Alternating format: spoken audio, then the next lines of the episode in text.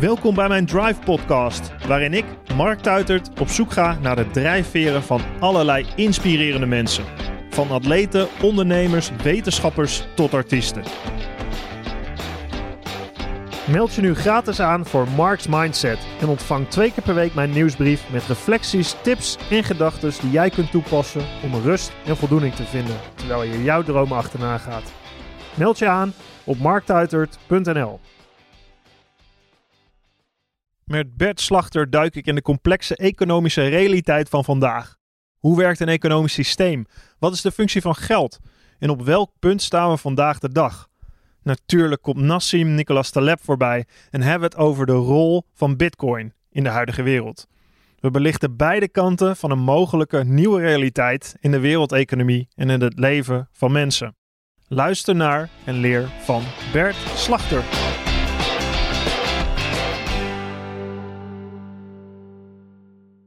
Aan de keukentafel met Bert Slachter. Voor onze derde podcast. Goedemorgen, Mark. Hoppa. Leuk. Ja, ja, leuk je te zijn. Ehm, ja, dit vind ik het ook het leuke van mijn podcast. Ik nodig coaches uit, ondernemers, eh, wetenschappers, artiesten. Ehm, maar ja, ik vind jou ook een mooie gast. Om na te denken over hoe het leven in elkaar zit. En met name de complexere zaken in het leven. En daar wil ik het graag over hebben. Mijn podcast heet Drive. Dat gaat over gedrevenheid. Natuurlijk mensen die gedreven zijn. Nou, jij bent ook gedreven in jouw vakgebied. En in jouw eh, kenniswereld. Maar het mooie is denk ik ook, wat ik, waar ik graag naartoe wil, is dat, dat, we, dat we misschien, en ook voor mezelf, dat ik probeer de wereld een klein beetje beter te begrijpen. We hebben het de vorige keer, hè, willen jullie die podcast terugluisteren, doe dat. Hebben we het gehad over Taleb, Nicolas Nassim Taleb, over de coronacrisis, et cetera, et cetera. Een complexe wereld, een verbonden wereld, daar gaan we steeds meer uh, naartoe. Daar zijn we natuurlijk al. Pandemie is daar nou, een voortvloeisel van natuurlijk, van onze verbonden wereld. Eén pandemie ergens op de wereld en binnen een week heeft iedereen het. Uh, maar wat betekent dat? En wat betekent dat voor een economie? Wat betekent dat voor, voor de wereld? Wat betekent dat voor geld? Daar gaan we het over hebben. Over onder andere ook cryptocurrencies, waar jij uh, veel mee in het nieuws bent. Bitcoin onder andere. Dus ja, waar, waar gaan we beginnen? Nou, um, met dit denk ik. Een verbonden, complexe wereld. Um, hoe zie jij dat? Waar, um, waar beginnen we? Als ja. je het hebt over complexiteit en over die wereld. Nou ja, misschien is het goed om aan te sluiten inderdaad. Je, hebt, je, noemt het um, de coronapandemie. Die heeft best wel uh, een schok in de economieën van de wereld uh, gebracht. Op, op, in verschillende landen op verschillende manieren natuurlijk. En verschillende landen hebben er ook op verschillende manieren op gereageerd.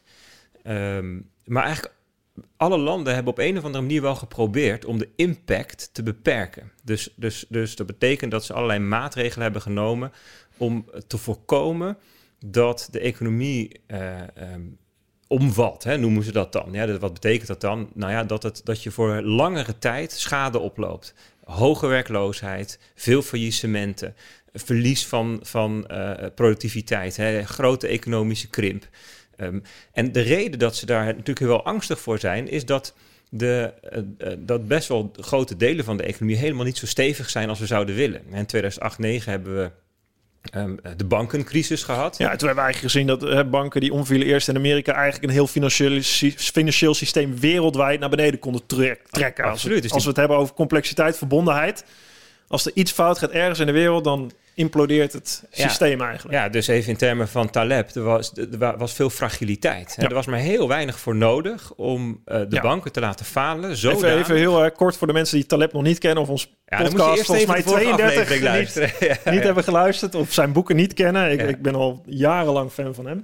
Uh, fragiliteit wil eigenlijk zeggen breekbaarheid. Je hebt, je hebt je hebt uh, robuust, dan kun je tegen een stootje. Je hebt antifragiel, wat Taleb mooi noemt. Hè. Dat is eigenlijk door weerstand of door tegenslag, doorbreekbaarheid juist sterker worden. Maar fragiel... Ja, dus dat je... fragiel is eigenlijk het, het porseleinen kopje. Ja. Hè? Het porseleinen kopje haat um, variatie en impact en stress en prikkels. En... Het is eigenlijk ook wel een beetje menselijk. Wij denken dat we de wereld kunnen controleren. We maken mooie bedrijfsplannen, mooie begrotingen voor onze bedrijven, mooie begrotingen als politiek voor ons land. En het gaat, uh, hè, we rekenen het, laten het doorrekenen door het Centraal Planbureau. Heel het plannetje ligt klaar. We denken dat we de wereld kunnen controleren. We gaan rustig slapen s'avonds, maar dan, boom, heb je bijvoorbeeld een coronacrisis, heb je een bankenwereld die omvalt. Ja, ja, zoals Nassim Taleb zegt, de zwarte zwaan. Hè? Dus de kalkoen die denkt elke dag van, ach, wat doen we toch goed, totdat Thanksgiving aanbreekt en dan ineens blijken ze geslacht te worden. Ja, en dat, is, dat kan met een economie ook. Hè? Als jij um, het allemaal zo probeert te, te, te, te kneden en ehm, te manipuleren dat het volgens de Excel-sheet op zijn best is, dan kan het wel eens wezen dat het fragiel wordt. En dat zag je bij die banken ook. Die waren too big, too veel geworden. Hè, te groot om ze te laten klappen. Omdat ze te grote functie in de economie vervullen. Systeemrisico, dat noemen ze dan ook systeembanken. En, en, en, en kijk, het Taleb die verwijst naar de natuur. Hè. Die zegt, ja, in de natuur is eigenlijk niks too big, too veel. Zelfs het allergrootste beest wat er is, um, een olifant, een blauwe vinvis of dinosaurus, daar kan er eentje van doodgaan zonder dat de soort in gevaar is. Hè? ja, precies. Het systeem is gezond als, hè, dat is met start-ups of bedrijven ook, als een bedrijf omvalt, is in principe gezond voor het, niet voor dat bedrijf zelf, maar wel voor het systeem. Ja, en als er één medewerker omvalt in het bedrijf, dan is dat gezond voor het bedrijf eh, mogelijk. Hè? En dat is, bij mens geldt dat ook. Als er één cel doodgaat, wordt het weefsel sterker. Als er één mens doodgaat, wordt het, uh, de, de sociale structuur of de groep beter, enzovoort. Dus dat is, dat is hoe, hoe hij dit uitlegt. En wat je eigenlijk zou willen, is dat bij banken het kan dat een bank faalt en omvalt en failliet gaat. En omdat hij namelijk uh, bijvoorbeeld uh, uh, dat er te grote risico's waren genomen, slechte beslissingen, um, whatever voor mhm. soort dingen, waardoor die specifieke bank niet meer gezond was, die moet kunnen falen. Om het geheel gezonder te maken. Dat is eigenlijk skin in de game ook inderdaad. Hè? als je ergens voor gaat, je, betaalt, je besluit zelf risico te nemen, dan is de prijs die je betaalt voor het falen ook voor jou. En dat is gezond. In plaats van dat je de prijs voor het falen afwentelt op een hele economie en de winst wel houdt. Ja, dus de bonus voor de bankiers en de malus voor de belastingbetaler. Hè, dat was toen, nou, dat was 2008, 2009 was dat aan de hand. Hè, en toen, sindsdien hebben we natuurlijk geprobeerd om dat systeem een stuk uh, robuuster te maken. Hè. Antifragiel hebben ze daar nog niet van gehoord, maar in ieder geval ietsjes minder fragiel. En daar, daar hebben ze ook best wel wat dingetjes in gedaan de afgelopen, dat is het 13 jaar. Um, banken zijn wel wat sterker geworden, maar het is niet je van het. Hè. Als er um, allerlei bedrijven nu uh, insolvabel worden, met andere woorden, hun, uh, hun schulden niet meer kunnen betalen. Ja, dan zijn er ook allerlei banken die daardoor in, in, het, in, in de problemen zouden komen. Hè? En als de aandelenbeurzen zouden crashen, dan zijn er allerlei um, vermogensbeheerders, waaronder pensioenfondsen en dergelijke, die in de problemen zouden komen. Dus kosten wat kost, wil men hmm. nu met deze coronacrisis de economie draaiende houden. Ja. En elk land doet het op zijn eigen manier. In Nederland hebben we vooral steun um, verleend aan bedrijven, die dan in ruil daarvoor de mensen in dienst hielden. Ja. En in Amerika bijvoorbeeld hebben ze gewoon gezegd: joh, laat iedereen maar werkloos worden. Prima, we gaan elk mens persoonlijk steunen. Dus in Amerika hebben ze nu, geloof ik, al hun derde check in de post gehad: 1400 dollar. Iedereen krijgt gewoon een check. Ja. Bizar. Elke Amerikaan kreeg gewoon. Ja, nou ja, goed. En dan is natuurlijk de vraag, wat, wat is En in uh, Amerika kun je ook mensen makkelijk ontslaan. Het zelf, nee, sure, dus principe, de economie is natuurlijk, heeft, ja. heeft, een andere structuur. Hè? Ja. Um, dus het is ook logisch dat ze dat daar op een andere manier doen dan hier. En Canada doet ook weer anders. En nou, weet je, prima.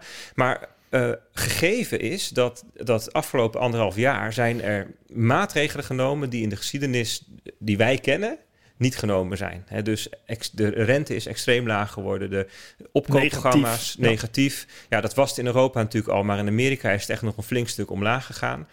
Um, de, de opkoopprogramma's van centrale banken die uh, zijn um, uh, zeg maar extra versneld en verhoogd. Hè. Dat betekent dat centrale banken die kopen bijvoorbeeld staatsobligaties op, mm -hmm. maar ook bedrijfsobligaties en in sommige gevallen zelfs aandelen. Um, Centrale banken kopen schulden op. Die kopen schulden op. En het, het, de reden daarvoor is tweeledig. Hè? Dus dat... Maar heel even, hè, zeg voor degene die dit al uh, voor überhaupt, om hier meer inzicht in te krijgen. Wie, hoezo? Een centrale bank zegt ik ga schulden opkopen. Wie beslist dat? Waar gaat het, waar gaat het over? Ja, daarachter zit um, um, uh, dat, dus dat in, in, in onze geldsysteem heeft de centrale bank de opdracht gekregen om te zorgen voor stabiliteit in het geldsysteem. Ja. Dat is hun missie. Dat de inflatie moet op 2% Nou, dat is dan, komen, dat is dan hoe zij dat invullen. Ja. want hun opdracht is stabiliteit, prijsstabiliteit. En in sommige centrale banken hebben nog wat extra opdrachten, maar de essentie is vaak zorgen mhm. voor stabiliteit. Daarvoor zijn ze gecreëerd. Ja, dat, dat, dat, dat is eigenlijk hun primaire rol. Want je wil eigenlijk niet dat een overheid aan de geldmachine zit, zelf Toch?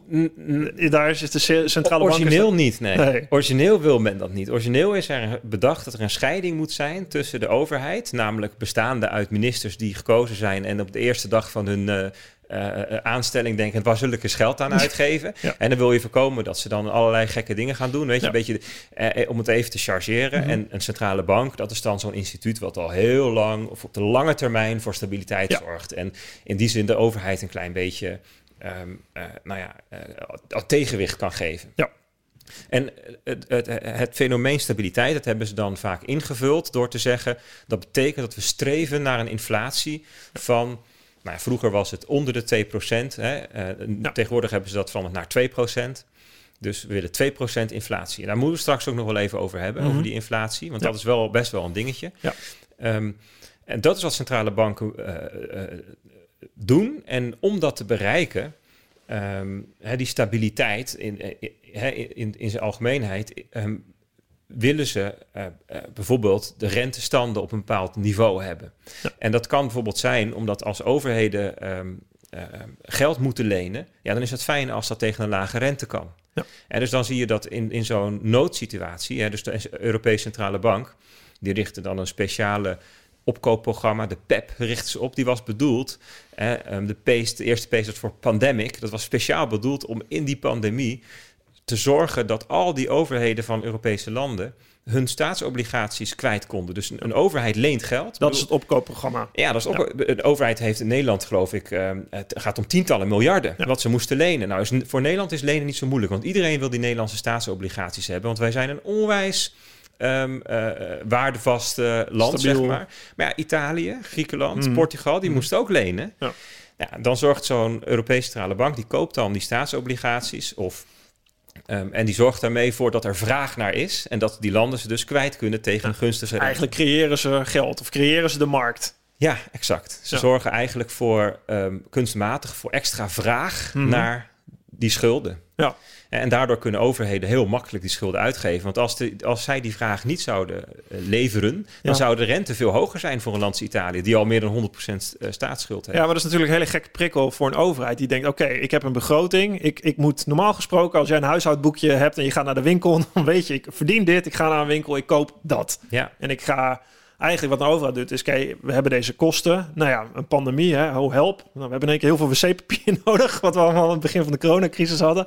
Eh, we moeten mensen redden, bedrijven redden. Oké, fair enough. Eh, ja, dat gaat niet van de belastingbetaler komen, want eh, die moeten we juist redden. Precies. Dus geld is toch goedkoop. Ja, dus- we kunnen hier aan geld komen. We gaan dit gebruiken. Ja, dus in het geval van Nederland, Ja. we hadden geloof ik 48% staatsschuld. Ja. Wij hadden ook op puur op eigen kracht hadden we best nog wel ehm, een aantal tiental miljarden kunnen lenen. En dan was het nog helemaal niet zo'n punt geweest. Maar er zijn natuurlijk heel veel landen waar dat anders is. Waar eh, en veel meer geleend moest worden. En die al een veel slechtere uitgangspositie hadden. Ehm, Europa zit nog wel een beetje gek in elkaar. Want wij zijn als Nederland, gaan wij over onze begroting.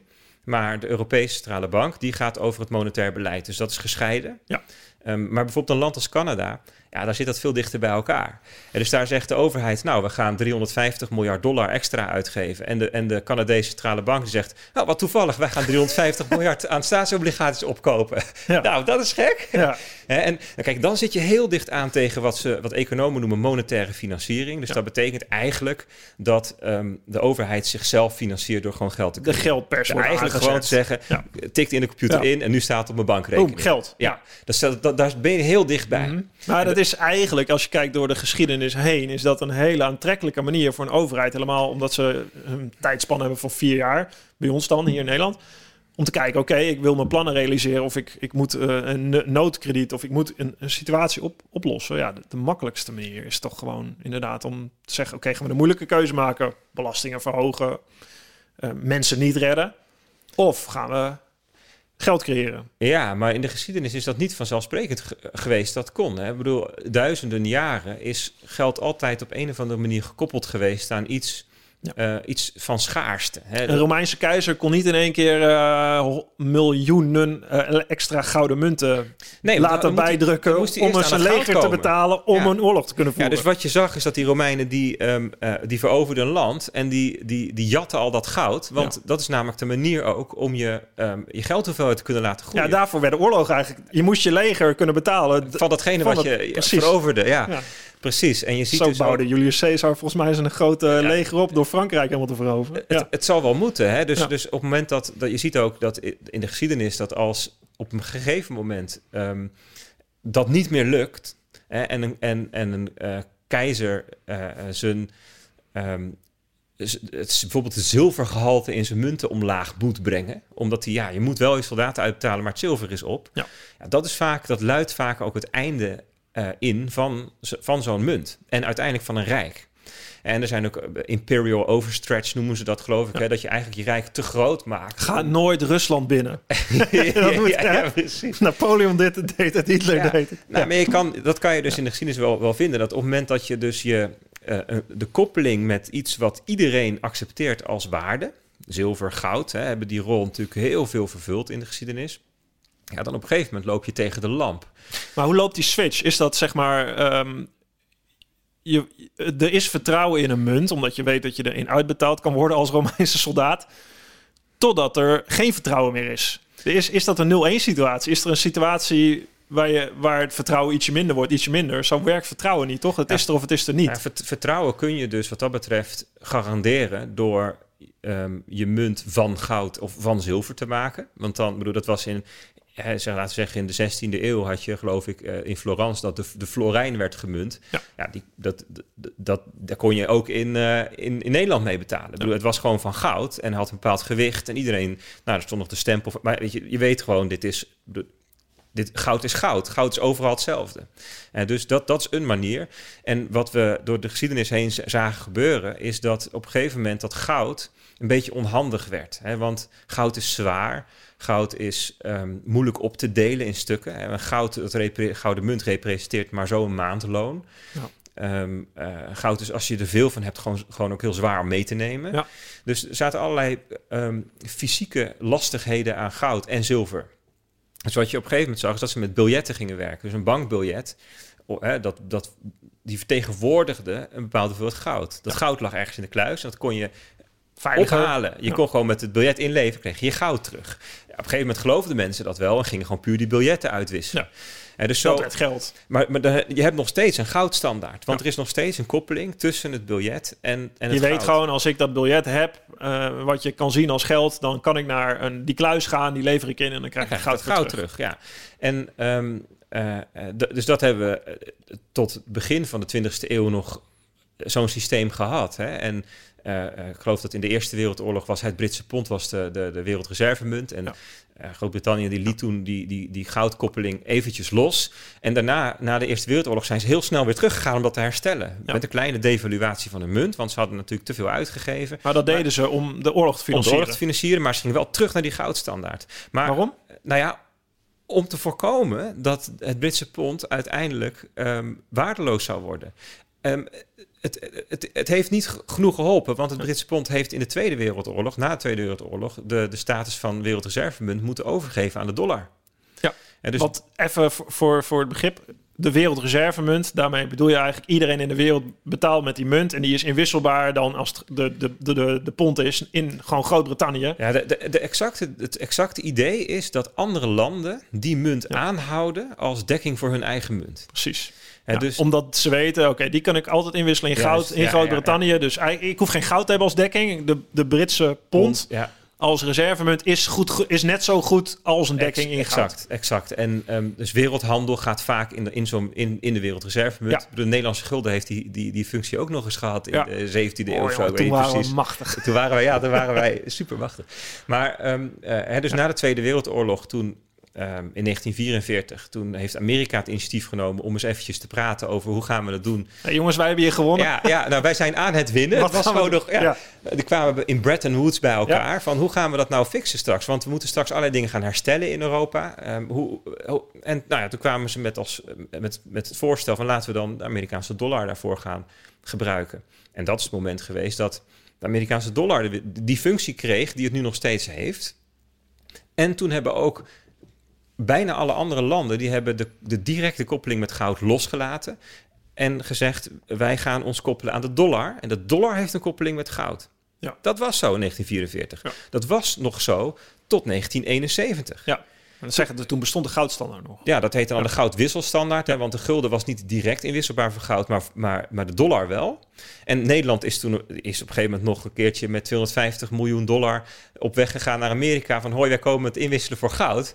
En dat was vlak voor het moment dat, dat, dat president Nixon op tv op uh, zondagavond op 15 juli 1971, uh, uh, augustus, bekend maakte. Oh, we hebben bij deze trouwens de koppeling met goud losgelaten. Ja, sorry dus jongens. ja, sorry, je kan niet meer inwisselen.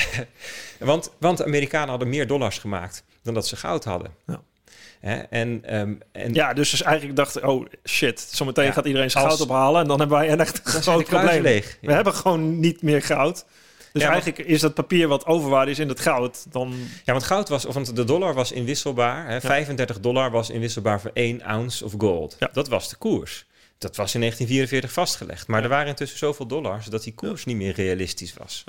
En toen hebben ze die, die, die Het is natuurlijk ook aantrekkelijk. We maken gewoon extra dollars erbij. Kunnen extra... Ja. En, eh, en eh, je kunt, of je het ze echt kunt aanrekenen is ook maar de vraag. Hè? Want um, ze... ze importeerden veel, dus ze moesten veel dollars naar het buitenland toe. En ja, weet je, dus er was heel veel vraag vanuit het buitenland naar dollars. Dus ja, je moet dat dan ook maar. Dus het is goed, het is zo gegaan. Ja. En de consequentie is dat sinds 1971 is er geen koppeling meer met iets fysieks. Dus ons geld, of dat nou de euro's, de dollars of de gulden of de mark hè, destijds, of de yen, whatever, er is geen koppeling meer met goud. Zelfs de Zwitserse frank heeft dat volgens mij als laatste in de jaren 90 losgelaten. En dat betekent dat het nu 100% vertrouwen is. Ja. Het geld wat wij gebruiken, ehm, er is geen uh, uh, fysieke of wiskundige of juridische beperking in hoeveel daarvan gemaakt kan worden. Het is gewoon letterlijk onbeperkt. Ja. Het is zoveel als we willen. Dus de aantrekkelijkheid, je hoeft er geen rekening mee. Je kan eigenlijk gewoon geld creëren zonder als, als overheidsorgaan zonder dat je rekening mee ja, te houden dat, het terug, dat, dat iemand terugkomt bij je en zegt: hey, uh, waar, is, waar is het onderpand? Ja, dus, de, dus er is een hele nieuwe school in de economie, de, de, de MMT'ers, de Modern Monetary Theory. En die zeggen: ja, weet je, de overheid kan niet failliet gaan. Want de overheid kan zijn, zijn schuld uh, en zijn rente en dergelijke altijd betalen door meer geld te creëren. Ja. En, um, en dat is een gegeven en dat is een voordeel. En daar, kunnen we, daar moeten we juist op inzetten. Dat is hun ja. kijk op de wereld. Hè? Nou, dat gebeurt toch ook eigenlijk? Nou ja, MMT werd een paar jaar geleden nog afgewimpeld als... ah, dat zijn een stelletje ra je, rare mhm. ideeën. En intussen zie je dat dat soort gedachten mainstream aan het worden is. Ja, want als je kijkt even naar de realiteit van vandaag... Ehm, waar het geld naartoe gaat natuurlijk. Er zijn natuurlijk heel veel mensen, bedrijven, instanties... die toegang hebben tot geld of die winstgevend zijn... al geld hebben waar het risico... eigenlijk waar het geld naartoe vloeit. Uh, maar je hebt natuurlijk een hele grote ja, een hele grote, een, bijna een hele generatie mensen die, die niet de bezitting hebben, maar die ze ook niet krijgen, omdat dat te risicovol is. Om waar het geld heen, het geld vloeit naar waar het meeste, minste risico zit en het meeste rendement gemaakt gaan worden. En dat is niet bij die. Dus je ziet wat er nu volgens mij gebeurt. Je ziet hele gekke dingen gebeuren. In de, wat die huizenprijzen nu doet. Eigenlijk is het heel gek. We hebben een coronacrisis. Nou, uh, de grootste crisis sinds de Tweede Wereldoorlog. Dit, dat. Volgens mij valt de werkloosheid mee. De huizenprijzen gaan door het dak er zijn hele gekke prikkels aan de gang. Ja, klopt. Dus eigenlijk eh, wat je, wat je ziet in de laatste, laten we zeggen, 50 jaar, want 1971 is 50 jaar geleden, is dat, dat overheden en centrale banken zijn gaan kijken, wat kunnen we nou met deze magic powers die wij nu hebben? En hoe, hoe kunnen we nou zorgen dat de, de, economie gaat groeien en dat het beter gaat? Weet je, dat is, ze zijn uiteindelijk wel begonnen met een soort van uh, uh, goed motief. Ja. Hè, dus wat ze bijvoorbeeld zijn gaan doen is kijken van oké, er komt nu een recessie aan. Hè. Bedoel, de economie werkt net als eb en vloed. Je hebt hoogconjunctuur, laagconjunctuur, leerden wij al op de middelbare school. De varkenscyclus en zo. Ja. En, dat is heel normaal. Alleen ze zeiden van nou, kunnen we nou niet zorgen dat in een hoogconjunctuur het iets minder oververhit raakt en in een laagconjunctuur dat we iets minder pijn lijden. Dus we gaan net een beetje sturen.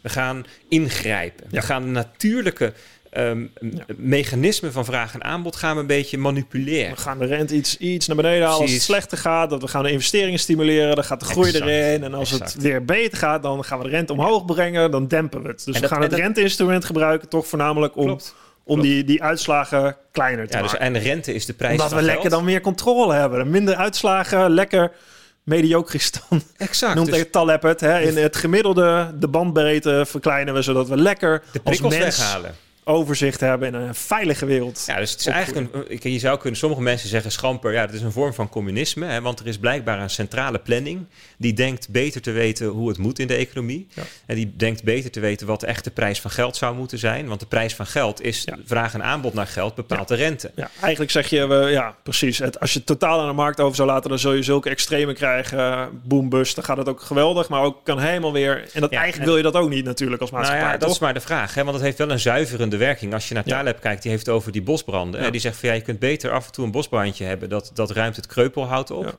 In plaats van dat je 30 jaar lang Ja. al het, alles blust. En op een gegeven moment ligt er zo ontzettend veel door hout. Dat, dat op een gegeven moment de bliksem inslaat. Het is niet meer beheersbaar. Je krijgt een inferno die een compleet ecosysteem kapot maakt. Probleem is alleen als wij in een bosbrandje zelf zitten als mens of als overheid, dan denken we, hé, dit willen we niet. Nee, dat willen we niet. Nee, de, de pijn, de, de, de lokale pijn wil je weg. Maar Ja. soms is, is het goed om die, die prikkel er te laten zijn. Het zuivert, het Mhm. geeft informatie. Mhm. Ja, dat is hoe Taleb ernaar kijkt. En Ja. zegt, joh, het is dus dom om die economie zo te willen managen. Ja, maar het kan wel Het betekenen dat je natuurlijk hele grote winsten op bepaalde partijen hebt en dat alles in elkaar dondert. Eh, mensen op straat komen te staan, eh et cetera, et cetera, et Ja, cetera. maar ja, dus de- Mhm. natuurlijk, Ja. natuurlijk. Maar wat is en, en de redenering is: het is erger dat je dan in tientallen jaren zo accumuleert dat op een gegeven moment het hele financiële systeem Ja. zo kapot is dat het in elkaar dondert. En Ja. dat gaat vaak met oorlogen gepaard, weten wij uit de geschiedenis. Ja. En onrust en eh, jarenlange ellende. Mhm. Dus het is maar de vraag of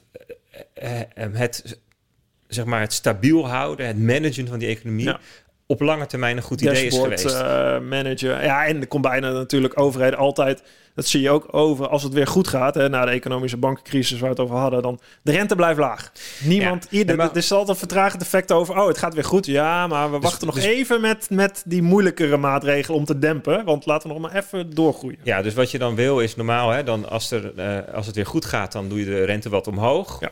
Hè, zodat je het weer wat afremt. En als het slecht gaat, doe je hem omlaag. Nou, Ja. wat we dus zien is dat sinds 1980 zo'n beetje, toen stond de rente. Ja, dat hebben wij natuurlijk niet echt bewust meegemaakt. En toen was de rente was een procent of 15. Ja. En de inflatie was ook heel hoog. Hè? Die Ja. zitten bij elkaar in de buurt. Ja.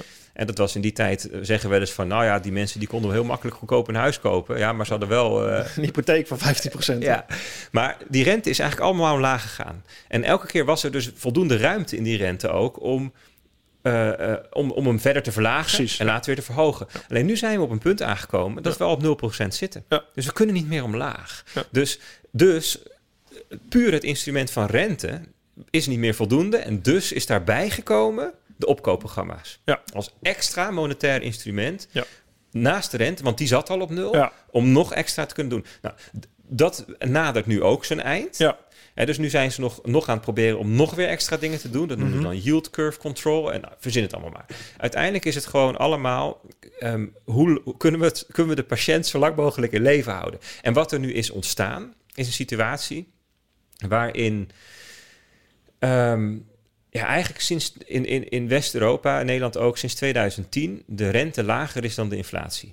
Mhm. Dus dat betekent als jij je spaargeld op de bank zet, dan krijg je 0% rente. Ja. Maar de inflatie is wel een procentje of twee. Ja. Dat je elk jaar 2% Armer wordt. armer wordt. En dat was voor 2010 niet. Toen was die, als je dan gaat kijken, dan was de rente die je op je spaargeld kreeg meestal ietsjes hoger dan inflatie. Dus eigenlijk kun je dan zeggen dat, dat het geld wat in het systeem wordt gestopt niet, niet het beoogde effect heeft. Nou, het komt in ieder geval dus, nou ja, tenzij je beoogde effect is Ja. dat je spaarders allemaal ietsjes armer worden. Ja, Alleen dat gaan ze natuurlijk niet hardop zeggen. Maar Nee. dat is wel de facto nu het geval. En wat er dus nu aan de hand is, en dat heeft ook te maken met de demografie. We hebben heel veel oude, eh, ouderen, steeds meer ouderen. En die hebben een ander belang dan jongeren. Want Ja. ouderen hebben vermogen. spaargeld, vermogen. En jongeren die hebben nog geen vermogen. Maar wat je nu ziet is dat er een generatie nu uit de schoolbanken komt... die met een schuld, een studieschuld, ehm, geen bezit nog. Ehm, die verdienen geld eh, met een baan.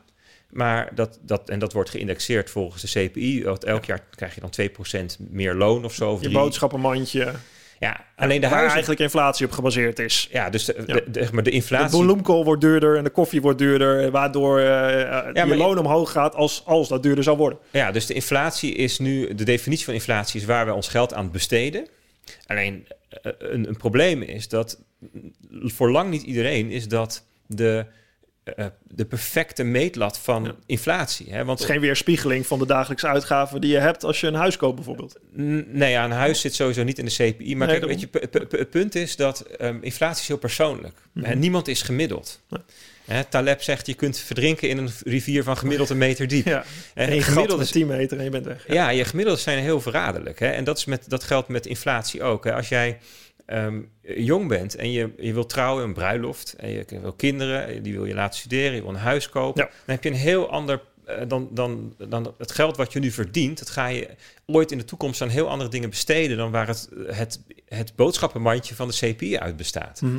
Eh, en nou, huizen worden, zijn sinds 2013 gemiddeld 7,3% per jaar duurder geworden. Ja. En het afgelopen jaar geloof ik zelfs 15 of zo procent. Ja, insane. Ja, maar dat is niet, omdat wij dus meer gaan verdienen en eh, die prijsstijging meegaat met Nee, het besteedbaar inkomen dat we hebben. nee, dus dat betekent dat het geld wat, wat, wat gecreëerd wordt... op een of andere manier vooral terechtkomt in, ehm, in asset bubbels of assets, asset inflation noemen ze dat dan. Ja. Dus, dus dat zijn aandelenmarkten die staan op een recordstand. Ja. De, de, de vastgoed, dat, dat, dat stijgt dus met 15% per jaar. Ja. Ehm, ja, Nederland speelt natuurlijk ook eh, schaarste mee, maar in andere landen zie je vergelijk. eh, Nou, wat je zegt is wel grappig. Schaarste, dan als je, als je de politiek volgt of het nieuws volgt, dan, dan hè, eh, met van crisis naar crisis lijkt het wel. ehm, er moet meer bijgebouwd worden, ongetwijfeld. Hè, maar ik, ik vraag me wel eens af, is dat niet gewoon de vraag die gecreëerd wordt door zoveel geld in het systeem? Is dat het niet gewoon? Dat, dat, hè, dat het helemaal niet per se direct een schaarste is, omdat mensen ergens moeten wonen. Dat het veel meer de vraag is om, om, om, om huizen te kopen, omdat die prijzen zo omhoog gaat, waardoor een soort bubbel daarin wordt opgeblazen. Z- Zijn, zijn, Waardoor het helemaal vertekend. Je weet niet meer wat of dat. En dan kijk je op microniveau van politiek. Oh, we moeten dit doen en dit doen. Maar de onderliggende grotere boodschap die er helemaal boven ligt, is dat er gewoon, dat er gewoon prikkels ergens in het systeem zitten die totaal eh, niet meer stroken met de reële klopt. Nou, wereld waar je in leeft. Kijk, eh, ah, het speelt allemaal een rol. Hè? Dus Mhm. als je een land hebt waar ehm, minder huizen zijn dan, dan waar de vraag naar is, Ja. dan heeft dat natuurlijk effect op, op prijsvorming. Maar het veel groter effect heeft dat vastgoed wordt gebruikt om waarde in op te slaan. Ja. Dus door mensen die geld over hebben, spaargeld krijg je niet. Dan koop ik maar een huisje om te verhuren. Precies. En het tweede is, ehm, de rente is zo laag dat mensen meer kunnen lenen. Ja. En als iedereen meer kan lenen, gaat dus de vraagprijs Ja. of de prijs omhoog. Ja. Dus je ziet ogenblikkelijk als of het beleid wijzigt door mensen meer mogen lenen, of de rente omlaag gaat, dat, dat daardoor dus de marktprijs omhoog gaat. En dat zie je overal ter wereld. Dus En een store eh, dan die erop komt, wat je net zegt, hè, de prijzen gaan omhoog. De, wat, wat, wat is de opkomst van bijvoorbeeld Bitcoin? Hier, wat, wat is daar de rol daarvan in? Want ik volg het al jarenlang. Vind het heel fascinerend. Het is echt een psychologisch spel. Ik vind sowieso economie, geschiedenis heel fascinerend. Maar de, de rol eh, die, die Bitcoin hierin heeft al, al jarenlang en wat steeds groter wordt en heel erg actueel is momenteel. En waar, waar jij ook helemaal in zit met eh lekkercryptisch.nl en het advies dat jij geeft eh, op radio en tv. Hoe valt Bitcoin hierin, in, in, dit, in dit geheel? Ja, dat is een goede vraag. Want dat is wel een verschil met 2017. Hè? Toen was Bitcoin natuurlijk Ja. ook heel erg in het nieuws. En eh, iedereen en zijn taxichauffeur hadden het erover. Ja, toen begonnen echt mensen te vragen. Ik kwam op een ijsbaan een keer, waren mensen Ja. inderdaad die. Ik, ik luisterde een gesprek af en het ging over Bitcoin. Ik dacht, hé, hey, dit is heel. Ik, ik wist Ja, er zelf net kon- een jaar, twee jaar iets van en ik was een klein beetje mee bezig. Maar in één keer hoor je dat, denk je, nou, hè? Ja, het was wel die zomer, eh, 2017. Je, kon, je kon niet op een barbecue komen of iedereen had, daar de, had er een mening over. En, eh, iedereen zat elkaar advies te geven. Nee, dat was, toen was het echt retail. Dat noemen we dat dan. Hè. Dus zijn consumenten, particulieren, die zaten te, te investeren. Van voor, te sorry dat ik je onderbreek. Voor, voor, de, voor de mensen, ik, ik wil eigenlijk naartoe hè, om, om, om het helemaal goed te snappen en wat de rol van Bitcoin is. Niet om het per se te promoten of beleggingsadvies te geven, dat, dat ga ik niet doen op deze podcast. Maar meer om te kijken, oké, wat is de rol? Waardoor kan het slagen? Waardoor ook kan het falen? Wat zijn de kritische factoren Zeker. daarin? Om een soort overzicht te geven van wat de rol is en waarom. Volgens mij is dit een cruciale factor waarom dit ontstaat, waarom dit nu bezig is. Dat heeft Ja. allemaal te maken met wat we Nou, waar we het net over hadden, Zeker. toch? Ja, nee, dit gaan we, gaan we nu precies waar je zegt, gaan we nu heen. Oké. Kijk, dus 2017 was vooral speculatie door particulieren. En wat je vorig jaar zag, 2020, dat eigenlijk vanaf de zomer dat er een nieuw verhaal verteld werd. Door professionele beleggers, professionele investeerders, CEO's van bedrijven, ehm, eh, beheerders van family offices. Die zeiden, Bitcoin is digitaal goud. Ik wil Bitcoin op mijn balans hebben. Ik wil Bitcoin bezitten om ehm, de waarde van mijn vermogen te bewaren. Om de inflatie goed te maken. En dan hebben die mensen het over asset inflation. Want als je heel rijk bent, dan dat is eigenlijk eh, heel interessant. De- groep die heel arm is en die heel rijk is, hebben eenzelfde soort probleem. Eh, ehm, als je heel rijk bent, dan, dan, dan boeit het niet hoeveel procent een potje pindakaas duurder wordt. En dan gaat het om de vraag hoeveel worden huizen duurder? En eh, hoeveel worden aandelen duurder? Want dat zijn, de, dat zijn de assets die je als je vermoog, vermogend bent hebt. En die worden allemaal 10, 20 procent duurder per jaar. Dus dat is voor hun, daar kijken ze naar. Ik zet geld op mijn rekening 0 procent. De dingen die ik ooit wil kopen worden Ja. 15 procent duurder. Ja, nou, je- Probleem. Geld van die spaarrekening af. En hetzelfde geldt dus voor de jongeren van nu, Ja. die nog niks hebben. Maar wel denk ik, wil ooit een huis hebben. Die zien ook, ik heb nog geen geld of een beetje spaargeld. Ja. Maar dat huis wordt 15% duurder. Elk jaar. Dus die hebben, zien, hebben hetzelfde beeld voor zich. En die denken, oké, ik ga op zoek naar iets wat de overheid niet kan bijdrukken. En er waren dus ook van die professionele investeerders die zeggen van, ja, ik heb gekeken naar goud en zilver. Toen kwam ik bitcoin tegen en denk, dat is eigenlijk nog beter. Want Waarom? bitcoin is namelijk schaars. En dat is heel bijzonder, hè? want iets wat digitaal is, wij zijn gewend, digitaal is juist perfect om dingen te kunnen kopiëren. Hè? Vroeger moest je, als je iets kopieerde, dan was de kopie altijd slechter. dan- Schaalbaar. ja, de kopie was altijd slechter dan het origineel. Hè? Ja. Dus je maakte een kopietje, dan had je kopie, dat was, die was goed. En, eh, of de, de origineel was goed en de kopie was ietsje slechter. Ja. En bij digitaal is het bijzondere dat als je iets kopieert, dat ze identiek zijn aan elkaar. Dus, als, hè, dus daarom konden we mp3'tjes downloaden, 20 jaar geleden. En als- Kaza. Kaza. En als ik jou een mailtje stuur met een foto, dan is de, de foto die jij hebt, die is ehm, eh, eh, exact hetzelfde als de foto die ik heb. Ja. Ehm, dus ehm, we, we- denken digitaal is kopieerbaar en Bitcoin is het eerste wat digitaal is, wat, wat je niet zomaar kan bijmaken. Er is een mechanisme bedacht om ervoor te zorgen dat, ehm, dat, je, dat niemand gewoon kan zeggen van nou, ik, ik copy-paste en nu heb ik nog 100 of nog, 100 nog 1000 bitcoins erbij. Nee. Er zijn er 21 miljoen. Ja. Zo is het vastgelegd Ja. in de broncode. En die worden op een bepaalde manier, met een bepaalde snelheid in omloop gebracht. En daar kan niemand iets aan doen. Dat kan niemand veranderen.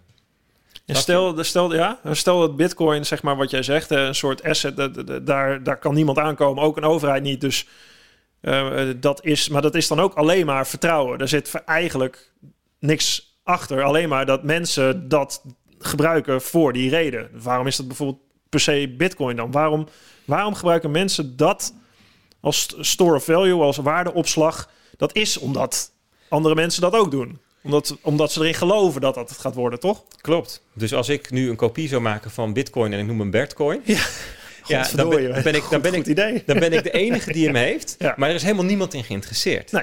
En dat is het hele idee. Ja. En dus mensen zeggen ook wel eens... van, ik ja, heb miljoenen bitcoins op mijn rekening. Ja, good for you.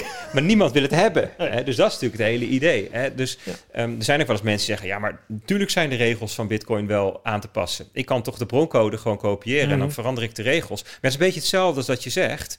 ja, ik verander de regels van het schaakspel. Kan je doen, maar er is niemand die tegen jou wil schaken. Nee. Want iedereen wil het schaakspel spelen volgens de regels... Waar iedereen, die iedereen accepteert. Mhm. Dat is exact wat er bij Bitcoin aan de hand is. Dat noemen we netwerkeffect. Eh, het, het, netwerkeffect, het idee van netwerkeffect is dat, iets, dat de waarde van iets Ja. hoger wordt voor de gebruiker naarmate meer mensen het hebben. Een voorbeeld is telefoon. Ja. Als je de enige op de wereld bent met een telefoon, Als wij met z'n twee telefoons hebben, kunnen we elkaar bellen. Hartstikke leuk. maar verder niemand. Verder niemand. Ja, bij telefoon is het nog extremer. Als ik de enige ben, dan kan ik, heb ik er letterlijk niks aan. Ik kan niemand bellen. Waardeloos. Ja, en, het, en naarmate meer mensen een telefoon hebben, wordt de waarde van de telefoon voor mij hoger. Ja. Eh, hè, dat, en dat geldt voor heel veel dingen. Je hebt dus zijn, dit zijn directe netwerkeffecten. Indirecte netwerkeffecten zijn bijvoorbeeld ehm, dat als je, voor auto's geldt dat, dat als er heel veel mensen een auto hebben, dan zijn er ook anderen die zeggen, weet je, laat ik eens een garage bouwen. Ja. En want er zijn nu zoveel auto's en dat is voor mij weer fijn, want dan kan ik lokaal mijn auto naar de garage Mhm. brengen. En dus, dus, dus voor Bitcoin geldt dat de, in de eerste jaren dat Bitcoin bestond, hè, sinds 2009, had het ook gewoon geen waarde. Dat je mensen die gooiden duizend bitcoins heen en weer naar elkaar om het een beetje te testen. Ja. En toen, toen, toen was er ook, ik bedoel, ze hadden wel het idee van dat zou kunnen, maar toen moest dat netwerkeffect nog ontstaan. Ja. En gedurende de jaren, kijk, nu zijn er honderden miljoenen mensen met bitcoin. Dus eigenlijk wat je zegt, hoe, hoe groter Bitcoin wordt, hoe groter de kans ook dat het blijft en niet alleen blijft, Ja. maar dat het nog een belangrijkere rol krijgt. Echt het Lindy-effect. Het Lindy-effect, ja, door de tijd zeggen. heen. Ja, ik bedoel, Bitcoin is al op duizenden manieren geprobeerd kapot te maken. Ja. Er zijn al duizenden manieren geweest waarop het had kunnen falen, maar niet is gefaald. Mhm. Het had verboden kunnen worden, maar is niet verboden. Ehm, enzovoort. Maar eigenlijk is het toch nog steeds vertrouwen. Dus als, als, eh, als, een, als mensen dat vertrouwen om wat voor reden dan ook verliezen, eh, en misschien eh, heb je erover nagedacht wat er voor redenen zouden kunnen zijn, dan blijft het toch ook iets wat helemaal verhandelbaar is, waar geen regulatie in zit, wat ook gewoon helemaal in elkaar kan klappen. Klopt. Nou, la, la- laten we het daar straks, straks Ja. even over hebben. Laten we even teruggaan naar, naar ehm, eh, zomer vorig jaar. Hè. Dat Ja. we zeiden van oké, het digitale goud. Wij zien Bitcoin als manier om ehm, eh, ons, ons zeg maar te, te verzekeren Hmm. hè, tegen, die, tegen die inflatie. En Bitcoin groeit nu eh, al 12 jaar lang ongeveer 200% per jaar wordt het groter. Dus drie keer zoveel waard. Dus ze zeggen dan ook van ja, weet je, als je maar 5% van je vermogen in Bitcoin hebt, Ja. ja, dat kan natuurlijk naar nul gaan. Ja. En dan ben je 5% van je vermogen kwijt. Het kan ook drie keer zoveel waard worden. Ja. En dan comp- compenseert het in één keer voor de inflatie en alle, weet je wel, van de rest. De vraag is dan alleen waard en wat, toch? Ja, nou ja, Stel dat Bitcoin, hè, dat ehm, Bitcoin wordt een miljoen waard, Bitcoin wordt twee ton waard, allemaal voorspellingen. Maar stel, dat denk ik met mijn boek, als het een miljoen waard zou zijn in euro's, wat is een euro dan nog waard? Klopt. Dus, dus wat je, wat je eh, ziet is dat voor een gedeelte aandelen en huizen en bitcoin alle drie ehm, eh, meer waard worden ten opzichte van de euro. Ja, En dus je huis, je, kunt zeggen, ja, mijn huis ja is die zijn schaars. Ja, je kunt zeggen, mijn huis is meer waard geworden. Je kunt ook zeggen, mijn euro is minder waard geworden. Ja. Ik bedoel, als je alles uit zou drukken in huizen, dan, dan zie je eigenlijk dat de euro devalueert. Ja. Dus dat is een deel, maar bitcoin groeit nog veel harder dan huizen en aandelen. Dus voor een gedeelte is het ook die adoptie. En Ik bedoel, Mhm. als er nu, nu gebruikt 5% van de wereld het, als dat naar 100% of al is het maar naar 10% gaat, dan stijgt dus ook de, de koers. En dan kan je zeggen, dat is een piramidespel. Dat zegt eh, Taleb eh, momenteel. Zeg maar Taleb. Ponzi scheme. Het is een Ponzi scheme. Ja, nou, als het al iets met Ponzi is, dan is het een Ponzi game. Hè, dat je zegt van, kijk, Ponzi scheme, daar is... Een piramidespel, Ja, voor de duidelijkheid. Ja, in Nederland heb je één woord, piramidespel. In het Engels heb je er twee voor eigenlijk. Heb je Ponzi scheme en Ponzi game. Een Ponzi scheme is eh, kwaadaardig bedoeld om mensen op te lichten. En dus daar zit een verborgen mechanisme achter... waarbij ehm, eh, je weet dat op hè, de, de, de nieuwe toetreders worden... eh, of de, de, Eigenlijk opgelicht. ja, precies. Ja. En een Ponzi game, dat betekent eigenlijk dat ehm eh degenen die het nu hebben, dat die profiteren van de groei. Ja. En dat is eigenlijk een andere manier om dat netwerkeffect te, te duiden. Je, ehm, we zeggen ook niet dat de telefoon een, een piramidespel was, omdat Mhm. de, de waarde van een telefoon voor mij toenam naarmate meer mensen telefoons Mhm. gingen gebruiken.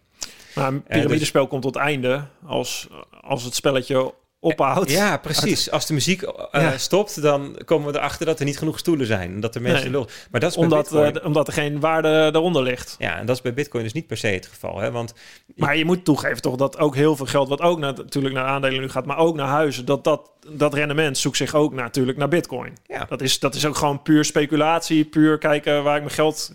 Hè, daarom zit iedereen nu... eh, ik, het, eigenlijk is het beetje wel... Ik weet niet of jij dat, dat nu ook wel weer een beetje aan het gebeuren is. Dat, dat, je, dat de buurman om de hoek eh, denkt... Hey, eh, ik wil iets met bitcoin. Of ik, eh, wat moeten we Ja. ermee? Dat je wel zoiets krijgt. Ja, mijn spaarrekening levert niks op. Laat ik het maar wel erin. Ja. Dat het wel zo'n soort effect krijgt. Dat is toch denk ik wat Taleb bedoelt. Van ja, er zitten, zitten zoveel mensen nu in... dat het ook, ook dat effect wat je in aandelenhuis ziet... daar ook gewoon gebeurt. Wat ook weer te maken heeft met het hele economische stelsel van geld. Daarachter? Er zijn twee dingen tegelijk aan de hand. Kijk, ja, dus bij Bitcoin zie je een um, elke keer stormachtige ontwikkelingen. Mm -hmm. Ik bedoel, het, um, er is een nieuwe golf van mensen die Bitcoin adopteert. Mm -hmm. er is nu weer een, een, Elon Musk, die deed in 2017 niet mee en nu wel. Ja. Dus er is nu weer een nieuwe um, categorie die erbij komt. Ja, en dan krijg je dus dat er opnieuw prijsvorming is. En dat verloopt stormachtig. En dat betekent... Ja, het ging heel hard eigenlijk toen Elon Musk aankondigde dat Tesla's in bitcoins afgerekend ja, kunnen worden. Dat is het waarde. Had hij zelf toen zijn bitcoin al gekocht. Precies. Hè, dus, maar, dus je, ziet dat, je ziet dat nu gebeuren, stormachtig. En er zal best een moment komen dat er misschien een bepaalde hype ontstaat. Ja. Dat is, ik geloof dat het nu nog wel meevalt, maar dat zou best eens kunnen gaan komen in de komende half jaar. Dat er hype ontstaat en um, gekte. Um, en dat dat ook, we noemen dat in markten een blow-off top, dat je die, ja, je krijgt een, een koersexplosie die nergens op slaat. En dat, dat gaat ook weer naar beneden. Alleen, dat wordt vaak, dan, er wordt vaak gezegd dat is een bubbel, hè, mm -hmm. dat is een manie. Ja. En zoals de tulpenmanie. Ja. Alleen het punt is... Iedereen komt erachter, oh nee, het heeft geen intrinsieke waarde. Ik moet het verkopen. Ja. En oh, hij gaat het verkopen. Oh, dan moet ik het nog harder verkopen. Drrrt. Precies. Dus met manies en bubbels is het punt dat ze één keer klappen en daarna wegblijven. Maar Bitcoin heeft al vier bubbels gehad. En elke keer kwam het er sterker uit. Dus het punt is... Maar dat komt toch ook door de, inderdaad dat er een soort fundamentele laag is van mensen die erop vertrouwen Um, dat ja, het een betaalmiddel ja, dus, wordt. Dus je hebt eigenlijk, en blijft. Je hebt eigenlijk een soort van adoptie over lange termijn. Hè? Dus, dus nu zijn er een paar honderd miljoen gebruikers. En dat waren er x jaar geleden nog mm. maar tientallen miljoenen. En het waren er daarvoor nog maar miljoenen. En daarvoor nog maar honderdduizenden. En over, uh, over een paar jaar zijn het misschien een miljard mensen die het gebruiken. Mm. Kijk, je moet je voorstellen, even een korte uh, intermezzo. Wij hebben het nu over, um, ja, wat hebben wij in Nederland aan bitcoin? Maar we moeten ons wel realiseren, wij hebben het één na beste geld van de wereld, de euro. Alleen de dollar is nog sterker. En we hebben in Nederland misschien wel het beste betalingssysteem van de wereld. We hebben Geld werkt bij ons gewoon heel goed. Fantastisch. We kunnen tikkies sturen, we kunnen draadloos betalen. We hebben um, instant payments. Hè, dus als ik jou nu iets stuur, uh, Rabobank, ABN AMRO, pliep, je krijgt het meteen binnen. Waanzinnig. In Amerika is het veel slechter bijvoorbeeld al. En dus we hebben, wij Nederlanders hebben niks te mopperen. We kijken door een roze bril naar de, naar de wereld. Maar um, er zijn steeds meer landen waar het heel anders is. Uh, mensen in Nigeria en Venezuela, die gebruiken bitcoin niet omdat ze het zo'n grappig project vinden, maar omdat hun munt elke maand de helft van hun waarde verliest. En dat, dat gebeurt nu ook in Libanon. Dan heb je ook 100% inflatie. Venezuela? Tur ja, Venezuela ja. noemde ik net. Turkije, ja. 15% inflatie ja. per jaar. Bitcoin verboden. Ja, hè, dat, dat, dat, hebben ze dan gezegd en nu komen ze ervan terug. Waarom? Omdat ze erachter komen dat je het eigenlijk niet goed kunt verbieden. En want bitcoin is informatie. Dus ja, je kunt, dus gaan ze ook maar proberen te reguleren. Um, plus Bitcoin is uh, fundamenteel um, globaal. Hè. Het is niet gebonden aan een land, het is niet gebonden aan een jurisdictie. Er is niemand de baas van Bitcoin. Er is geen centrale partij mm. bij betrokken. Er is geen centrale bank. Om even de, de parallel met het begin te, te, te maken. Bitcoin is ook een geldsysteem, net als de euro, net als de dollar. Alleen een fundamenteel ander geldsysteem. Dus Bitcoin Um, daar is, nou, daar Taleb zegt het is, niet, het is geen goede store of value van waarde, uh, omdat, omdat het zo volatiel is. volatiel is, waardoor je en, en, niet gereguleerd. Dus eigenlijk zegt ja, eigenlijk is een, een, een, een wereldcurrency is gereguleerder. Waardoor je daar beter misschien, uh, omdat er een overheid achter zit, et cetera, et cetera, omdat regulatiemechanismen ja, okay, plaatsvinden. Dat, zijn op, dat zijn dan taxaties van, van, van Je, hij oordeelt over wat hij ziet gebeuren. Ja. He, maar, maar even uh, een stapje abstract naar wat is ja. Bitcoin? Ja. Bitcoin is een geldsysteem waar niemand de baas is. Dat betekent ook dat niemand kan censureren. Niemand, um, je hoeft aan niemand toestemming te vragen om mee te doen. Niemand die kan jouw transacties tegenhouden. Um, dat zijn, en dat zijn eigenschappen waarvan wij denken, ja, oké, okay, weet je, ik, voor mij mag de Rabobank best weten, weet je wel. De, de ja. Rabobank die houdt ook niks tegen. Nee, dat klopt. Maar er zijn natuurlijk in toenemende mate, mate allemaal landen in de wereld waar het heel anders ligt. Mm -hmm. In China um, uh, worden jou allerlei uh, permissies ingetrokken als je dingen koopt die de overheid niet goed vindt. Hè, in um, Wit-Rusland en in, uh, en in Rusland overigens ook, hè, de, de oppositie daar en, en, en, en, demonstranten die gebruiken bitcoin omdat ze, omdat ze buitengesloten worden van het financiële systeem. Is dat ook niet dus, waarom de waarde van bitcoin echt ook heel erg omhoog gaat? Ook wereldwijd, omdat het, het is natuurlijk wereldwijd, maar omdat, je, omdat de, de, de onzekerheid toeneemt en het vertrouwen in instanties afneemt. Ja, maar eh, kijk, in Nederland zeggen we, ja, we, we, we hebben het, we vertrouwen de banken best. Ja. Maar, maar je moet, wat dat betreft Nou, ook... in die- Nederland hebben we volgens mij ook, eh, als het gaat om overheid en het, het vertrouwen is ook, ook al hebben we het in principe goed, is het vertrouwen volgens mij, Ja, ik, ik bespeur dat bij bepaalde groepen ook. ja, Eh, jongeren bijvoorbeeld. Ja. Maar als je kijkt naar de, de, de peilingen van, van de CBS... ja, dan komt er nog altijd uit dat Nederlanders het heel erg goed vertrouwen. Ja. Maar ik denk als je wereldwijd kijkt, dat Bitcoin ehm, wereldwijd veel grotere functie hebben dan wij zien. Wij zien het als, Mm. als investering, als speculatie. Mm. Steeds meer jongeren die zien het ook in Nederland als manier om niet slapend arm te worden hè, door die inflatie. Mhm. Steeds meer rijken zien het ook in Nederland als manier om zich een beetje in te dekken tegen die asset inflation, dus die huizen, die aandelenprijzen. Maar als betaalmiddel heeft Taleb natuurlijk gelijk. In Nederland is, een, is, een, is de euro onovertroffen op dit moment nog. Ik wou net zeggen, Ten tot, opzichte tot van- dat, waar, waar gaat het naartoe? Denk jij als we even met een Ja. bril naar de toekomst kijken, waar houdt dit op? Want hey, je zou kunnen zeggen, bitcoins, ponzi schemes, zoals Taleb zegt, je zou kunnen zeggen... eh, Bitcoin het- bezig het- met adoptie. De fiat geld, eh, het geld wat gecreëerd wordt, leidt uiteindelijk tot een soort Ponzi-schema, omdat, omdat de schulden worden hergefinancierd met schulden en alles wordt betaald met het creëren van nieuwe schuld. Dus waar, waar houdt het op een gegeven moment op? Iedereen je kan een huis kopen van Ja. eh, vijf ton. Eh, nou, dat, is, dat was eh, een paar jaar geleden nog drie ton. Eh, je hebt meer schuld op jezelf geladen en je bent niet meer gaan verdienen. Maar je moet wel die schuld aflossen. En dat kan omdat die rente lager is. Maar als daar wat in gaat gebeuren, dan, dan er is dus een hele toch heel... Als je het hebt over fragiel... klopt, er is een hele groep van bitcoiners die dat denkt. Die zegt van ja, weet je, dat, dat, dat systeem van, van de euro en de dollar, zal ik maar even zeggen, die, waarbij ehm, de schulden eigenlijk elke crisis een factor 10 groter worden. Ja, dat moet een keertje ergens eindigen en niet op een eh, Ja. leuke manier. En ja, Dat zegt ook mijn vader. En die, eh, die is varkensboer geweest. En die heeft gewoon gezond boerenverstand. En die vraagt zich dit ook af eigenlijk. Die is gewend om varkens te verkopen. En die weet als de varkensprijs 1 eh, euro duurder was of 1 euro lager, dat, dan ging het hele systeem 1 euro lager zou voor een gigantische hype kunnen zorgen. ja. 1 euro hoger voor een dikke crash, zeg maar. Het is, Ja, dus mensen voelen dat op een of andere manier wel aan. En ehm, ja, ze zien dus in toenemende mate, en dat is een wereldwijd fenomeen, Bitcoin als, nou ja, toch een, op dit moment als het, het digitale goud, als een soort Mhm. van verzekeringspremie. ja, maar de wat, hedge eigenlijk. de hedge. Maar Ja. wat er zou kunnen gaan gebeuren in de toekomst, is twee dingen. Ten eerste, er wordt nu ontzettend veel gebouwd aan oplossingen om Bitcoin voor betalingen eh, geschikter te maken. De Bitcoin blockchain he- is, is traag Mhm. ehm, van zo is het ontworpen en heeft een beperkte capaciteit. Dus dat betekent ook dat transactiekosten hoog zijn. Zo, dat is zo bedoeld. Dat moet ook zo zijn. Dat betekent dat betalingen voor kopjes koffie en dergelijke niet op de Bitcoin blockchain gaan plaatsvinden, maar op lagen daarboven. Geldsystemen zijn eigenlijk altijd gelaagd. Het, het eurosysteem is ook gelaagd. Ja, een briefje is, eh, dat is ontstaan als een laag op, op goud toen het Klopt, ontstond. Ja. klopt. En je zou kunnen zeggen dat het, het, eh, de bankrekening die je hebt bij een commerciële bank is een laag bovenop eh, briefgeld of centrale bankgeld. Ja. En Het is al digitaal geld, omdat het op een bankrekening staat in cijfertjes. ja, maar kijk, eigenlijk is het geld op je bankrekening geen geld. Eigenlijk is dat een schuld van de bank aan jou, of een vordering van jou op de bank. Het is, niet, het is ook geen wettig betaalmiddel. Alleen in, in praktijk accepteert iedereen het. Ja. En dat is, dat is prima, dat is een laag Mhm. daarboven. Mhm. Je zou eh, eh, creditcards en dergelijke nog weer als een laag kunnen zien en PayPal en zo. Ja. Dus die gelaagdheid. Alleen de verzekering zit daar natuurlijk in dat, dat je belastingbetalers hebt en een land. Sure, maar dat geldt voor Ja. de onderste laag. Hè? Ja. Dus de euro die wordt, de waarde van de euro wordt gegarandeerd omdat er een man bij de deur staat met een pistool. Eh, De de belasting die moet erin betaald Precies. worden. Eh, Dat is zoals eh, ze dat dan eh, noemen. Kijk, en bij Bitcoin zijn ze bezig met al die lagen daarop te bouwen. Het Lightning-netwerk is een voorbeeld daarvan. Ja, daar zie je dat daar miljoenen transacties per seconde zouden kunnen gaan plaatsvinden met praktisch geen transactiekosten. Die er meteen binnen een seconde zijn. Dus het gaat beter functioneren dan geld.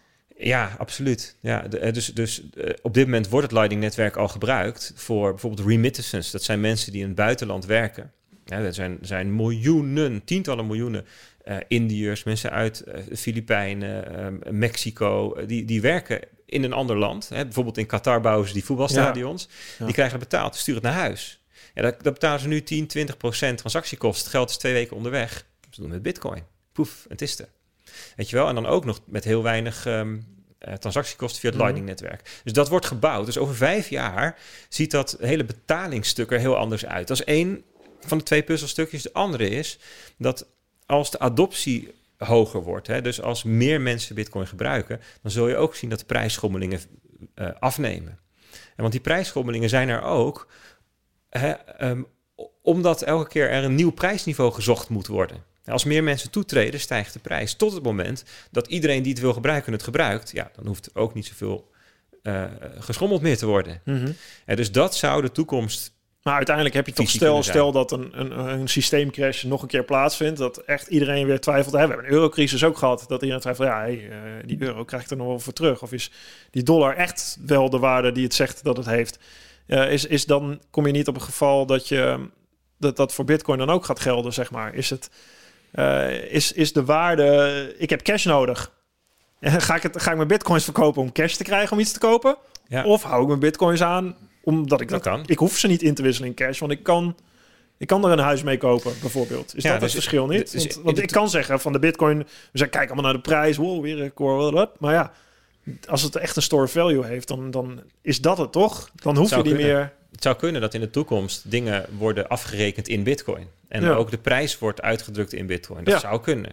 Ja, eigenlijk, kijk, het punt is, we weten het niet. Ja, We hebben we- uiteraard. de toekomst is zeer onzeker. Ja. Dus eh, ehm, een mogelijkheid is dat bitcoin niet meer eh, zal worden dan, een, ehm, dan het digitale goud. Hm. Dat bedrijven, eh, rijken, pensioenfondsen, ehm, jongeren het aanschaffen met als doel Een Ja, beleggingsstrategie. beleggingsstrategie. Ja.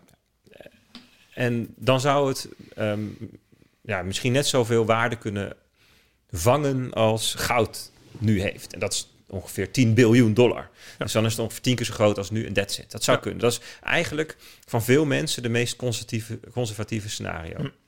Het zou ook kunnen, dat is het andere uiterste, dat bitcoin inderdaad een serieuze rol gaat spelen Ja. in het wereldwijde monetaire systeem. De, misschien de rol van de dollar overnemen. Nou, Ja. dat is het meest extreme aan de andere kant. Ja. Dan zou het misschien nog wel honderd of duizend keer zo groot kunnen worden Ja. als nu.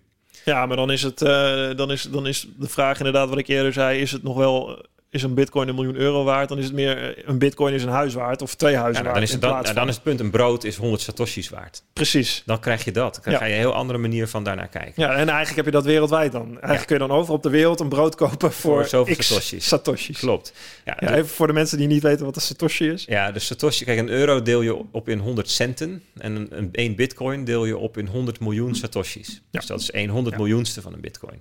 En je kan via Lightning nog kleinere eenheden, Ja. hè, dus je kan ook nog een tiende en een honderdste Satoshi kun je daar eh, g- maken, zodat Ja. je bijvoorbeeld ook met micropayments Ja. kunt gaan werken, streaming payments, allerlei technologische dingen. Dus eigenlijk wat je zegt inderdaad, het kan een soort beleggingsstrategie worden waarin je een soort mandje hebt en dan denk je oké, daar hou ik aan waarde aan en dan ver- vervult het de functie van goud. Of het kan een betalingssysteem op zich worden waar, waarvan iedereen misschien uiteindelijk uitvindt van hé, hey, waarom doen we dit gewoon niet wereldwijd? Waarom gebruiken we dit niet als betalingsmiddel in plaats van... Ja, en da- daar Dat zit wil eigenlijk zeggen dat ook geen één land in de wereld de reserve currency heeft en dus eigenlijk het voor het zeggen heeft, toch? Exactly. Dat is het hele idee. Kijk, het- je kan zeggen dat scenario, en er zit natuurlijk een hele waaier aan mogelijkheden tussen. Hè. Ik noem even de twee extremen. Nou, er Ja. is natuurlijk nog een extremer aan de ene kant dat het gewoon faalt en naar nul gaat. Ja, Daar moet ik ook misschien nog even over hebben. Ja, Maar eh, het meest optimistische scenario, Mhm. ehm, dat, ja, dat, dat vereist natuurlijk wel ehm, wat kat- katalysatoren. En dan zou er bijvoorbeeld een bepaalde geopolitieke spanning moeten ontstaan. Dat mensen zeggen van, nou, we willen de renminbi niet, we willen de dollar niet, we willen de euro niet. We Ja. willen ook geen mandje eh, met valuta zoals de SDR van het IMF. We komen er niet uit en dus schikken we met een soort van neutraal, neutrale middenweg en bitcoin. Of bitcoin kan op die manier onderdeel gaan worden. Mhm. En ehm, dat zou de route naartoe kunnen zijn. Ja. Maar ik moet eerlijk zeggen, ik vind dat ook niet de meest waarschijnlijke. En wat is daar, om daar kort tot slot nog heen te gaan, wat is, wat is de, de optie inderdaad dat het gewoon naar nul gaat, dat het totaal, wat is dat? Is ja, dat, dat kan. Het is, natuurlijk, het is natuurlijk een hele jonge technologie. Ja. Het bestaat pas 12 jaar. Kijk, het internet bestaat. Bedoel, de eerste internetproviders in Nederland kwamen in 1993. Ja. Kijk eens, we zijn nu 27 jaar, ver- 28 jaar verder. En nu pas eigenlijk is internet echt volwassen. En nu heb je je smartphone en Netflix. En, en, eh, zeg maar, Netflix is beter dan tv. Ja. Maar dat heeft wel t- 25 jaar geduurd. Ja. Voordat we, daarvoor was filmpjes kijken via internet gewoon, gewoon geklooi. En nu pas is, zijn dingen via internet beter dan wat het vervangt. Dat heeft zoveel tijd nodig om volwassen te worden. Dus vergelijk je daarmee eigenlijk dat het internet eigenlijk ook niet van iemand. Klopt, internet is ook een neutraal protocol. Internet is van niemand. Het TCP/IP-protocol dat is gewoon. Ja. En ik zie Bitcoin ook als een neutraal protocol wat gewoon is. Ja. En je kunt het stom vinden, je kunt er boos op worden. Ja, Bitcoin is gewoon. En dat zeggen ze ook. Dat, Bitcoin doesn't care. Bit, ja, Bitcoin doesn't care. Weet je, it's, it's unstoppable, noemde een eh, congressman het in Amerika. Van ja, we kunnen hier wel heel erg mopperen. Ja. Maar kijk, Mark Zuckerberg, die kun je ter verantwoording roepen als Facebook iets doet. Bij Bitcoin is er niemand Nee. om op het matje te roepen. Het bestaat. En als jij het ver- verbiedt als land, dan gaan mensen gewoon naar een ander land. Ja. Ja, dus Het zou ook de wereld eh, bij elkaar kunnen brengen misschien. Nou ja, dus, dus, dus dat is wel de realiteit waar iedereen het mee moet doen. Ehm, hè, dus, dus Bitcoin is. Hm. En, en, en nu? Ja. En, en, En en, nu? en hoe, hoe gaan we daar dan mee om? Mhm. En daar moet je als, als, als land, als overheid, als landen, als centrale banken, als banken, moet je daar dus je, je, je plannen op afstemmen. Dus je kunt als bank wel zeggen, wij vinden het stom, ja, Ja. good luck. Maar weet je, dan is er een ander die het gaat doen. En welke instelling kun je daar zelf in hanteren? Wat, hoe, hoe, kijk, hoe kijk jij daarnaar? Wat, wat zeg jij tegen je vrienden of tegen mensen die eh, hè, voor de luisteraars als een soort afsluitend? Nou, ja, ik geloof in optionaliteit. Ehm, hè, ook een begrip wat Nassim Taleb eh, Ja. eh, heeft, ja, heeft We beschreven. kunnen niet de toekomst voorspellen, we kunnen wel opties creëren, waardoor we ja, in ieder geval mee kunnen. Wat Ja, er ook gebeurt, we zijn er. exact. Dat is We het hebben een idee- weg. Het idee van optionaliteit is dat je hoe meer opties je hebt, hoe minder precies je hoeft te weten hoe de toekomst verloopt. Ehm, en, en dat is wat Bitcoin je kan bieden, een, een optie. Het kan je een extra optie geven. Ik bedoel, er zijn allerlei scenario's waarin Bitcoin. Ja, ik heb ook je de, weinig. de, de, de slechtste positie om te hebben is dat je helemaal geen bitcoin heeft. Je hoeft er niet in te geloven, maar nul is. Ja, nul is het foute getal, roepen wij wel eens. Hè, van, of in Amerika zeggen ze get of zero. Ja. Het maakt eigenlijk niet uit hoeveel je hebt als je maar iets hebt. Weet je, dat is een soort van gedachte. hè. Ik bedoel, ehm, Maar kan er ook niet heel veel ongelijkheid in ontstaan? Hè? Als, als, als je nu ziet dat een, eh, dat een aantal partijen, of nou, je noemt Elon Musk, dat, een, dat zometeen de, de bitcoin voorraad die beperkt is bij ook een beperkt aantal hele rijke partijen zit. Ja, de praktijk die we tot nu toe zien is dat de eh, vermogensongelijkheid bij Bitcoin steeds verder afneemt. Want wat je ziet is dat rijke mensen gewoon toch hun Bitcoin verkopen, omdat ze. Ehm, weet je, met Bitcoin word je op een gegeven moment rijk. Ja, en dan, ga je, dan wil je je huis afbetalen. Of je wil, je wil iets in je leven. En dat, dat ga je doen. Je gaat er spullen van kopen of dromen verwezenlijken of Mhm. whatever. Mhm. Ja, en die Bitcoin vindt dan dus de weg naar een ander. Voor een veel hogere prijs. Ja, en eh, klopt. En als jij dan op een gegeven moment denkt, oh shit, wel jammer dat mijn bitcoin kwijt is. Ja, dan zul je dus tegen een nog veel hogere prijs weer moeten terugkopen. En dat gebeurt dus niet. Dus die distributie, je ziet juist dat steeds... eh, dat, dat er steeds meer mensen een beetje bitcoin hebben. Dat het Hm. steeds meer verspreid raakt. Ja, en, en in dat proces zullen er mensen rijk worden. Dat is Mhm. onvermijdelijk. Mhm. Maar dat geldt ook voor Amazon die groot werd. In dat proces zijn er ook mensen heel rijk geworden. Ja. En dat geldt eigenlijk bij alle eh, technologieën die op een of andere manier opgebouwd worden. Daar Ja. worden in de proces mensen rijk. Ja. Ja, dat, kun ja, dat, dat, dat, dat, dat moet. Ja. Dat is onvermijdelijk. Heel fascinerend eh, hoe dat er allemaal uit gaat zien. Eh, bedankt voor je toelichting, eh, Bert. En eh, je wijze woorden. En veel geleerd. Ik hoop jullie ook, luisteraars. Heb je vragen? Wil je er meer over lezen? Je kan Bert volgen op... Ja, le- lekkercryptisch.nl schrijven we artikelen. En Ja. we maken ook een podcast, Satoshi Radio. En Ja. dat, dat gaat heel veel dieper op deze onderwerpen in. Eigenlijk alles op het snijvlak van technologie en economie. En daar zit dus bitcoin, maar ook centrale banken die allerlei dingen uit, aan het uitspoken zijn. En, en waarom gebeuren er nou dingen? Dus ja, daar kun je je verdiepen, Top. als je dat wil. doen. Bedankt, Bert.